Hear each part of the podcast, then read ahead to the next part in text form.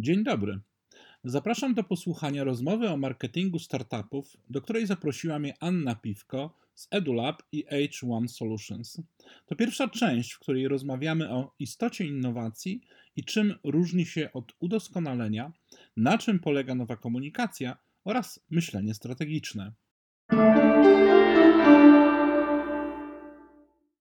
Witam Was w kolejnym odcinku naszego vloga Starter Business App. Dzisiaj rozmawiamy o marketingu startupów. Gościem naszego odcinka jest osoba wyjątkowa, międzynarodowy ekspert wspierający polskie startupy oraz polskie przedsiębiorstwa, wymieniany przez Whitepress wśród 100 najbardziej inspirujących osób branży interaktywnej.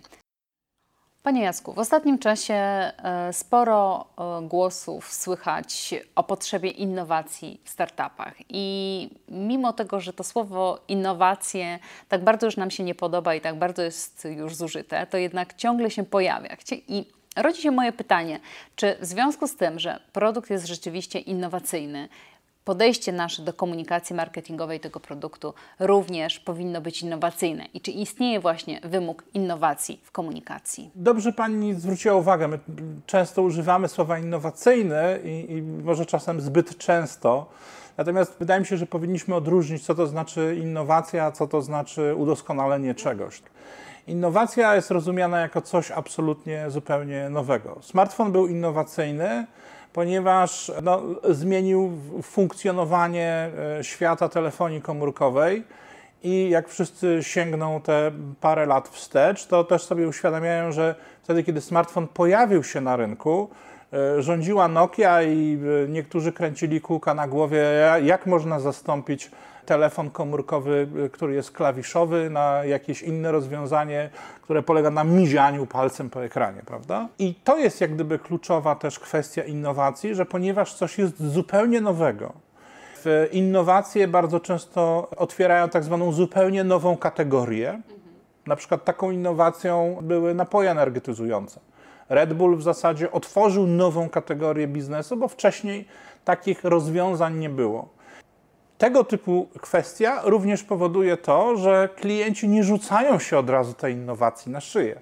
W związku z tym startup, który chce rzeczywiście podjąć projekt naprawdę innowacyjny, czyli wymyśla coś absolutnie spektakularnego, coś, co rzeczywiście może zrewolucjonizować świat, musi mieć tą świadomość, że on przede wszystkim chciałby przekonać klientów, że ta innowacja rzeczywiście w jakiś stopniu wpłynie na ich życie.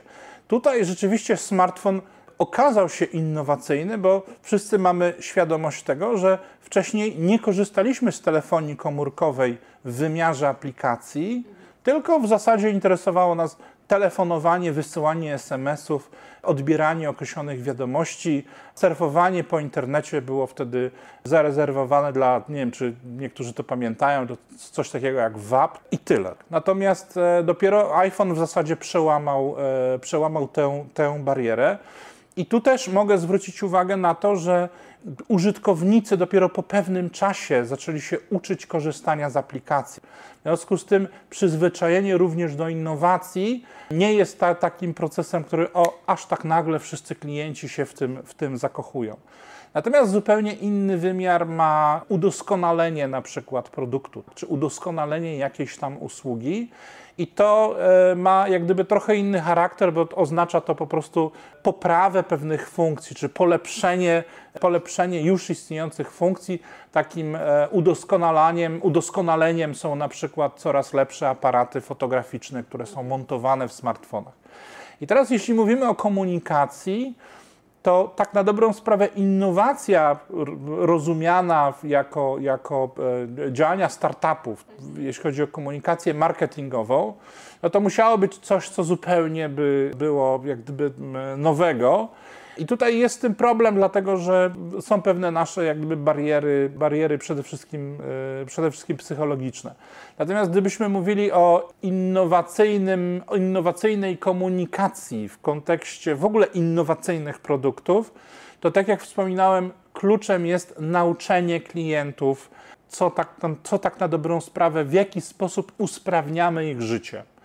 To jest główne wyzwanie przed startupami, ponieważ one bardzo często są skoncentrowane na swoim produkcie. Na produkcie, to prawda. I one mówią: OK, zrobiliśmy aplikację, która zrewolucjonizuje świat, która jest najlepsza na świecie. A ja zawsze mówię: OK, ale jaki problem ta aplikacja klienta będzie rozwiązywała? Tak na dobrą sprawę, jaką potrzebę to, to zaspokaja?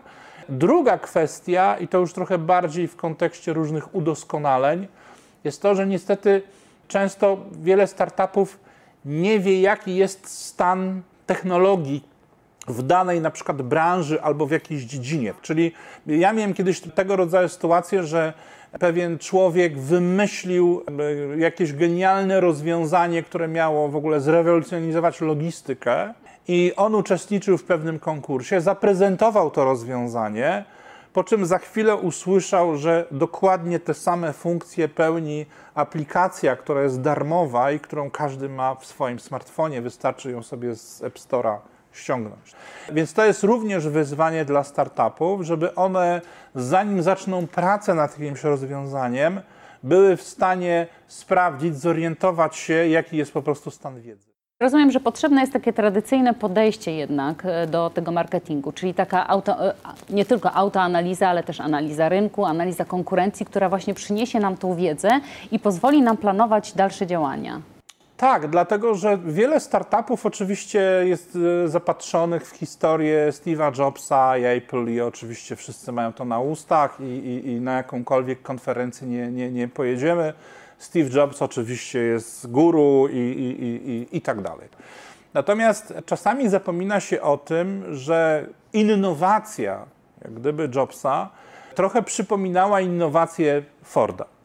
Ford jest takie jego słynne powiedzenie, że y, kiedyś określił, że gdyby zapytać, że gdyby zapytał się swoich klientów, czego oni by potrze- czego potrzebują, to oni by powiedzieli, że chcą po prostu szybszych koni. Nigdy by w życiu Ford nie wymyślił mm, metody produkcji samochodów w wymiarze gdyby bardziej zautomatyzowanym, gdyby, gdyby rzeczywiście pytał o to swoich klientów i podobnie było w przypadku Jobsa. Duże innowacje, wielkie innowacje są również wynikiem wielkich twórców, wielkich innowatorów, którzy po prostu zupełnie nie liczą się z opinią rynku i mówią: tworzymy swój własny ekosystem i teraz próbujemy zachęcić do tego, jak gdyby swoich klientów. Apple stworzyło swój ekosystem produktów, swój ekosystem podejścia do urządzeń mobilnych, do aplikacji, do tego, jak gdyby wszystkiego, co, co się dzieje. I jest to pewnego rodzaju formuła endemitu. Apple zawsze był takim endemitem, jeśli chodzi, jeśli chodzi o określone produkty. To myślę doskonale wiedzą ci wszyscy, którzy kupują wszelkiej maści przejściówki. I oczywiście Apple wygrywa na rynku, e, jest najbardziej wartościową w tej chwili marką na świecie. Natomiast nie zapominajmy o tym, że to nie jest standard w prowadzeniu biznesu. Standardem w prowadzeniu biznesu jednak jest to, że my rozmawiamy z tymi klientami, że my próbujemy analizować ich potrzeby, że my rozwiązujemy, próbujemy ich rozwią rozwiązać ich jak gdyby określony problem. To, co zrobił Steve Jobs, nie jest sytuacją typową w biznesie, jest pewnego rodzaju wyjątkiem, o czym oczywiście mówimy, bo, bo jego produkty są jak gdyby znane i marka jest najbardziej wartościowa na świecie, jak wspominałem. Jak do tego podejść tak naprawdę? Jak, e, jak e, właśnie myślę, myśl, myśleć o tym naszym marketingu, w, żeby jednocześnie pogodzić tą e, komunikację produktu, czyli jakby koncentrować się na produkcie, mówić o produkcie, jednocześnie ciągle nie zapominać o odbiorcy tego produktu. Znaczy, my chcemy rozwiązać, każdy przedsiębiorca, może inaczej, chce rozwiązać określony problem chce rozwiązać określony problem swoich klientów albo potencjalnych klientów, bo co za tym idzie, no ci klienci muszą chcieć za to zapłacić. Nasze problemy związane z odżywianiem są rozwiązywane przez tysiące, jeśli nie miliony najróżniejszych firm, które dostarczają nam jedzenie w najróżniejszy sposób. No tak. tak? Teraz, żeby w ten rynek wejść, teraz z jakimkolwiek produktem spożywczym, no, z jednej strony mamy naprawdę morderczą konkurencję, Z drugiej strony mamy kwestię dystrybucji na przykład tych produktów, ustalenia cen, jak gdyby szereg, szeregu innych rzeczy. W przypadku rynku produktów cyfrowych, czyli jeżeli mówimy o startupach, które funkcjonują głównie na rynku online, jest również trochę podobna sytuacja, bo tak na dobrą sprawę mamy dwa potężne hipermarkety, które na tym rynku operują.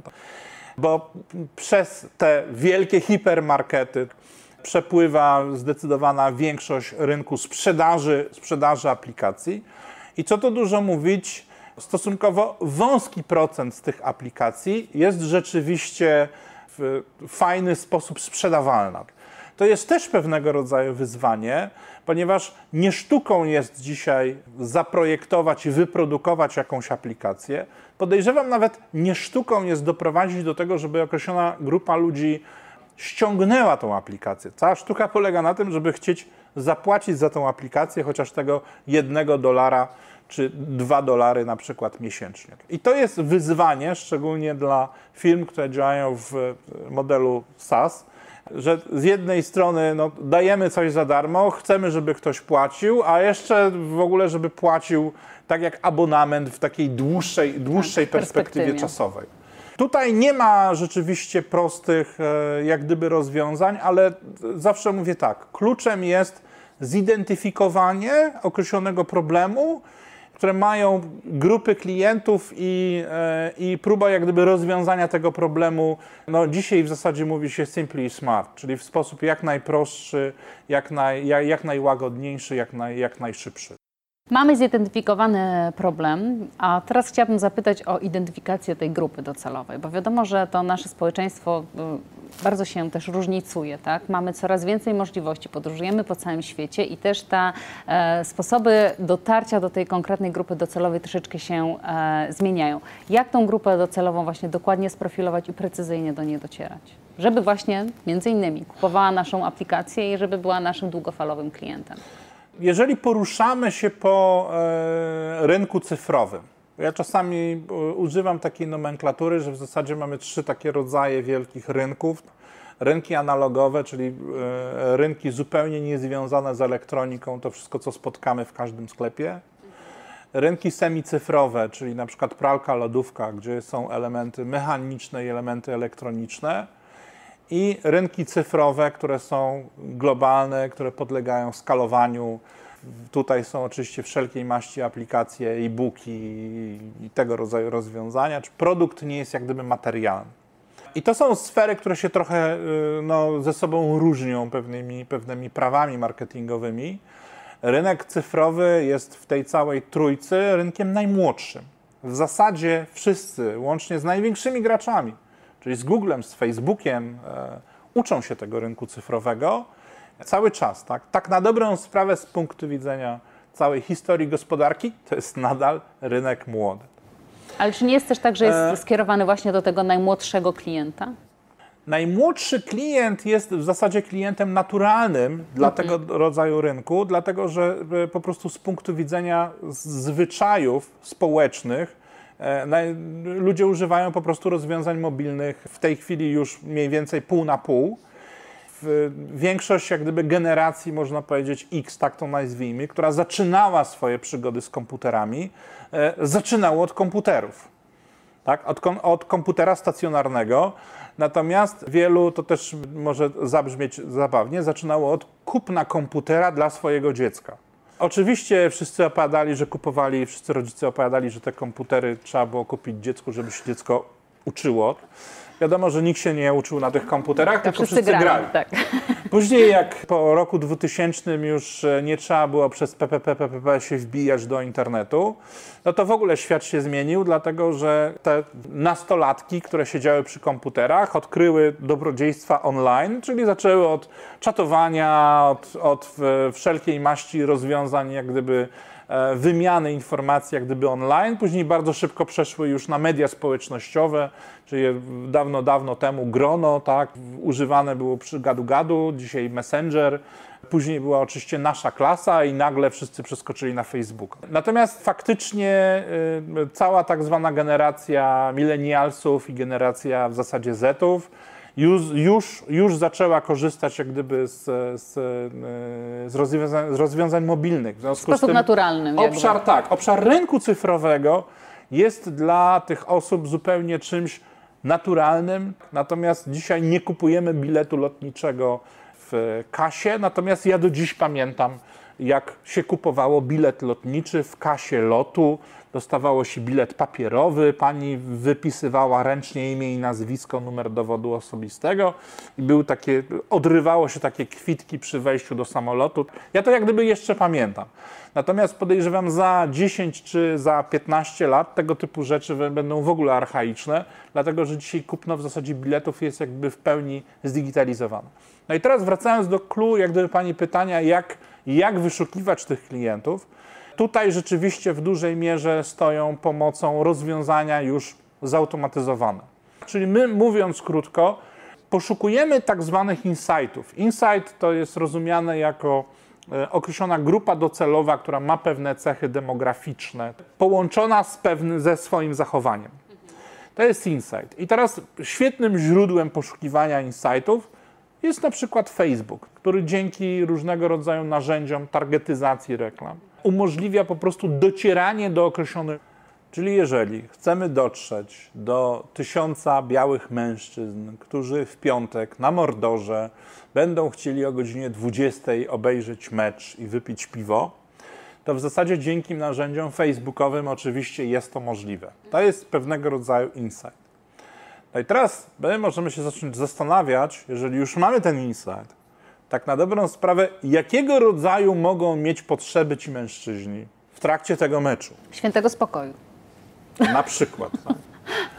Mogą chcieć jakieś chipsy, mogą chcieć jakieś, nie wiem, kiełbaski, mogą chcieć e, jakąś gastronomię czy szereg innych rzeczy. W każdym razie mamy w tym momencie jak gdyby insight i określone, zidentyfikowane przez nas potrzeby. No i teraz tutaj cały jak gdyby niuans polega na tym, że niektóre grupy docelowe mogą deklarować wyraźnie, żeby rozwiązać ich problem.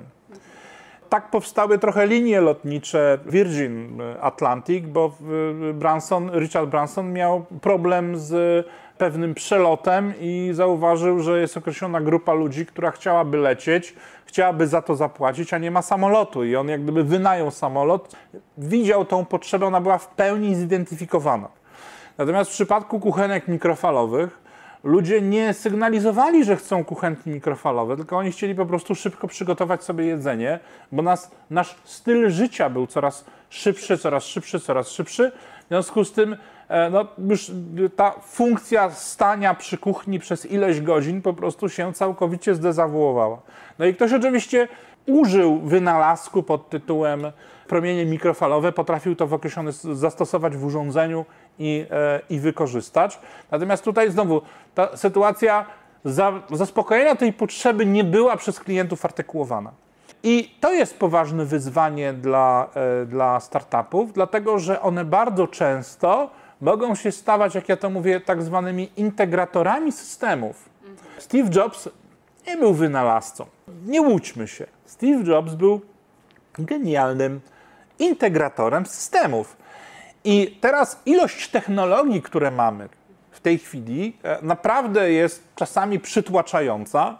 I twórcy tych technologii myślą cały czas się drapią po głowach na, na, na zasadzie, no kto, kto jak gdyby nam to kupi. Mamy technologię, e, dzięki której możemy przy pomocy drukarki 3D drukować sobie domy, które będą szybko schnącego betonu. Natomiast nie sztuką jest posiadać tę technologię, sztuką jest zbudować rynek, albo stworzyć rynek, albo od, otworzyć jak gdyby ten rynek, gdzie będą ludzie w ogóle zainteresowani zakupem tych domów, które będą budowane, budowane w tej technologii. I to jest jak gdyby wyzwanie. Czasami są sytuacje, w których technologia czeka wiele lat. Ekrany dotykowe były wymyślone w latach, o ile się nie mylę, 60.